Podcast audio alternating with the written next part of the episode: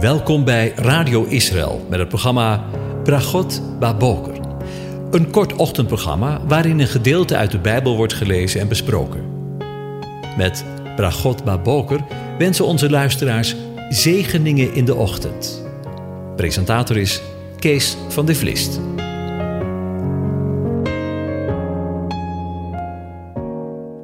Hartelijk welkom, beste luisteraars. We gaan weer verder met Psalm 22. Ik lees het aan je voor. Een psalm van David voor de koorleider. Op de hinder van de dageraad. Mijn God, mijn God, waarom hebt u mij verlaten?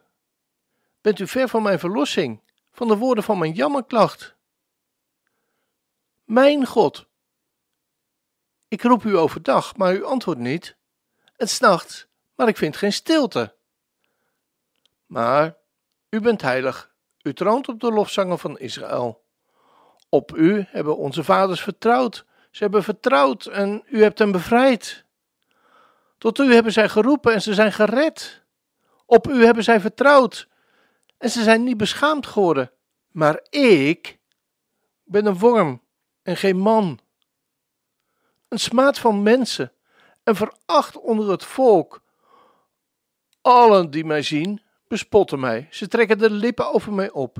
Ze schudden het hoofd en zeggen: Hij heeft toch een zaak op de Heer gewenteld. Laat die hem bevrijden. Laat die hem redden, als hij hem genegen is. Tot zover. Over een worm gesproken. De voorgaande keer hebben we stilgestaan bij het feit dat David een beroep deed op Jaweh. Om naar zijn geroep te horen, omdat hij ook de vaderen in het verleden tot hem geroepen hebben en zij niet beschaamd zijn geworden en hij hen gered heeft. Na een beroep gedaan te hebben op wat de Heer in het verleden heeft gedaan, roept David het uit. Ik ben een worm en geen mens, zoals de Hebreeuwse tekst zegt. Bij het, worm, bij het woord worm denken wij misschien wel aan zo'n regenworm die wij hier in het Westen kennen en die we tegenkomen in de kleigrond als we bijvoorbeeld aan het spitten zijn. Maar het Hebreeuwse woord dat hier voor worm wordt gebruikt is tola. En een tola is een bijzondere wormsoort. Het betreft de scharlaken wormsoort. En wanneer het vrouwtje van de scharlaken wormsoort klaar is om een jongen te baren, maakt je haar lichaam aan de stam van een boom vast en wel op zo'n manier dat ze zich één maakt met de boom en nooit, nooit meer weg kan gaan. De eitjes die onder haar lichaam werden afgezet, werden op deze manier beschermd, totdat de larven uitgekomen en in staat zijn om hun eigen levenscyclus te beginnen. En wanneer de moeder vervolgens sterft, bevlekt de karmozijnrode vloeistof haar lichaam en het omringende hout. Uit de dode lichamen van de scharlakenwormen werden in de handel verkrijgbare scharlakenrode kleurstoffen uit de oudheid gewonnen. Ja, wat is dit een geweldig beeld, niet van Christus, die aan de boom stierf en zijn kostbare bloed vergoot, opdat hij vele zonen tot heerlijkheid zou brengen, zoals we lezen in Hebreeën 2, vers 10. Hij stierf voor ons, voor jou en mij, opdat wij door hem zouden leven. Psalm 22, vers 6 beschrijft zo'n worm en geeft ons dit beeld van de Messias. Wat is het woord van God toch onvoorstelbaar rijk? Je verbaast je elke keer weer over. Ook nu weer zien we een beeld in de natuur waarin God zijn verlossingswerk openbaart. Hij laat het zien. Hij aan het hout, zichzelf verenigt met het kruishout, met spijkers, zodat wij tot leven geroepen zouden worden. Hoe kostbaar is dat? Nu we weten dat de achtergrond of de herkomst van een scharlaken kleurstof is, spreekt er wellicht nog meer wanneer we weten dat de kleursoort als het ware bij de geboorte van Israël in de woestijn veelvuldig werd toegepast in de tabernakel. Overdrachtelijk gezien werden de Israëlieten zo elke keer wanneer zij de tabernakel zagen, die God tot zijn woonplaats had gemaakt, herinnerd aan zijn verlossingswerk. En Rachab, die moest met een scharlakenkoord uit het, kraam, uit het raam laten hangen, zodat zij en haar familie door de Israëlieten gespaard zouden worden. Zo lezen we in Jozua 2. Je verbaas je soms over de gedetailleerdheid in het woord van God. Want waarom staat er niet gewoon dat er een koord gebruikt werd? Zomaar een koord. Maar juist dat er een scharlakenkoord gebruikt werd. De verklaring staat er eigenlijk achter. Opdat zij en haar familie gespaard zouden worden. De evangelie van genade. Door de kruisrood van de Maria. Van de Messias werd als het ware breed uit uit het raam gehangen. Het scharlakenrood is verbonden met koninklijke majesteit. Scharlakenstof werd gedragen door rijke en aanzienlijke personen. Wat gaat er een ongelofelijke boodschap vanuit wanneer we lezen dat de spotmantel die de soldaten Jezus, de koning der Joden, omdeden, scharlakenrood was. We lezen in Matthäus 27. Toen namen de soldaten van de stadhouder Jezus mee in het praetorium en verzamelden tegen hem de hele legerafdeling. En na hem ontkleed te hebben, deden zij hem een scharlakenmantel aan en een kroon van dorens gevlochten te hebben, zetten zij die op zijn hoofd en een rietstok in zijn hand en zij vielen op hun knieën voor hem en bespotten hem al dus. Gegroet, koning der Joden! En zij spuugden op hem en namen de rietstok en sloegen op zijn hoofd. En toen ze hem bespot hadden, deden zij hem de mantel af en deden hem zijn kleren aan en leidden hem weg om hem te kruisigen. Maar daar blijft het niet bij, want ook de antichrist, die zich voor zal doen als de verlosser van deze wereld, de grote hoer, de grote imitator, zal herkenbaar zijn, omdat hij zich zal kleden in het scharlaken. In het Bijbelboek Openbaring zit hij op een scharlakenrood beest en is zelf bekleed met scharlaken, macht en majesteit in scharlakenrood. We lezen in Openbaringen 17.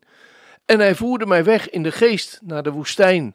En ik zag een vrouw zitten op een scharlakenrood beest, dat vol namen van laster was, en zeven koppen en tien horens had. En de vrouw was bekleed met purper en scharlaken en versierd met goud en edelgesteente en parels en had een gouden drinkbeker in de hand, vol van de gruwelen en de onreinheden van haar hoererij.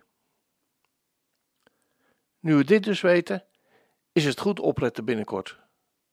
Niet degene die op een beest zit, met koppen en horens, versierd met goud en edelgesteente en parels, en een gouden drinkbeker, hetgeen allemaal spreekt van verhoging en trots, is het. Maar hij die zichzelf vernederd heeft en zichzelf vereenzelvigd heeft aan het hout, het verachtelijke kruishout. Van hem hebben wij verlossing te wachten. Zullen we het nog een keer lezen? Omdat het zo'n mooi beeld is.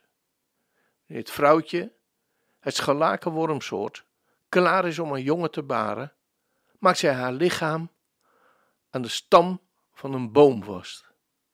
En wel op zo'n manier dat zij zich één maakt met de boom en nooit meer weg kan gaan. De eitjes die onder haar lichaam werden afgezet, werden op deze manier beschermd, totdat de larven uitgekomen en in staat zijn om in hun eigen cyclus te beginnen. Hun eigen levenscyclus te beginnen, hun eigen leven te beginnen. Wanneer de moeder vervolgens sterft, bevlekt de karmozijnrode vloeistof haar lichaam en het omringende hout. Wat is dit een geweldig beeld, niet van Christus, die aan de boom stierf en zijn kostbaar bloed vergoot, opdat wij vele zonen tot heerlijkheid zouden brengen, zoals wij lezen in Hebreeën 2 vers 10. Als dat geen zegen is, we gaan luisteren naar het lied Yeshua Messiah. The truth becomes so bright in the light. I can't wait till the world sees you. In your precious name, you're still the same. Yesterday, tomorrow, this day. Light of my life, the flame of my fire, the wind in my wings. There is healing, salvation, deliverance in Yeshua, the Messiah. Yeshua, the Messiah.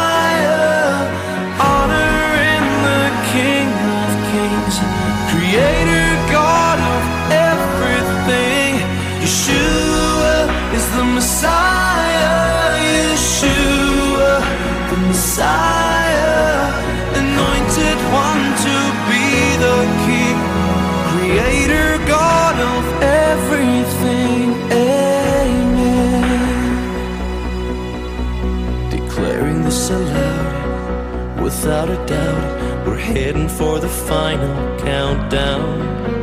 Preparing him a bride. Set aside this will overflow with new wine. Light of my life, the flame of my fire, the wind in my wings. There is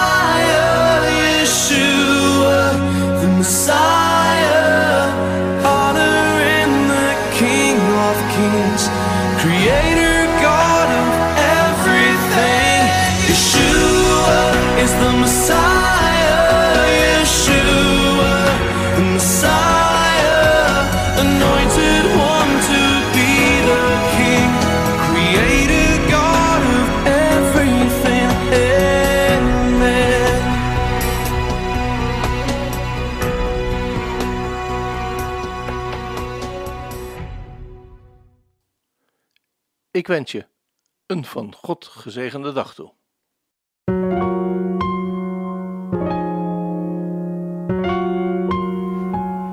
U hebt geluisterd naar het programma Bragot Baboker. Een kort ochtendprogramma waarin een gedeelte uit de Bijbel wordt gelezen en besproken. Wilt u het programma nog eens naluisteren, dan kan dat. Ga naar radioisrael.nl en klik onder het kopje radio op Uitzending gemist.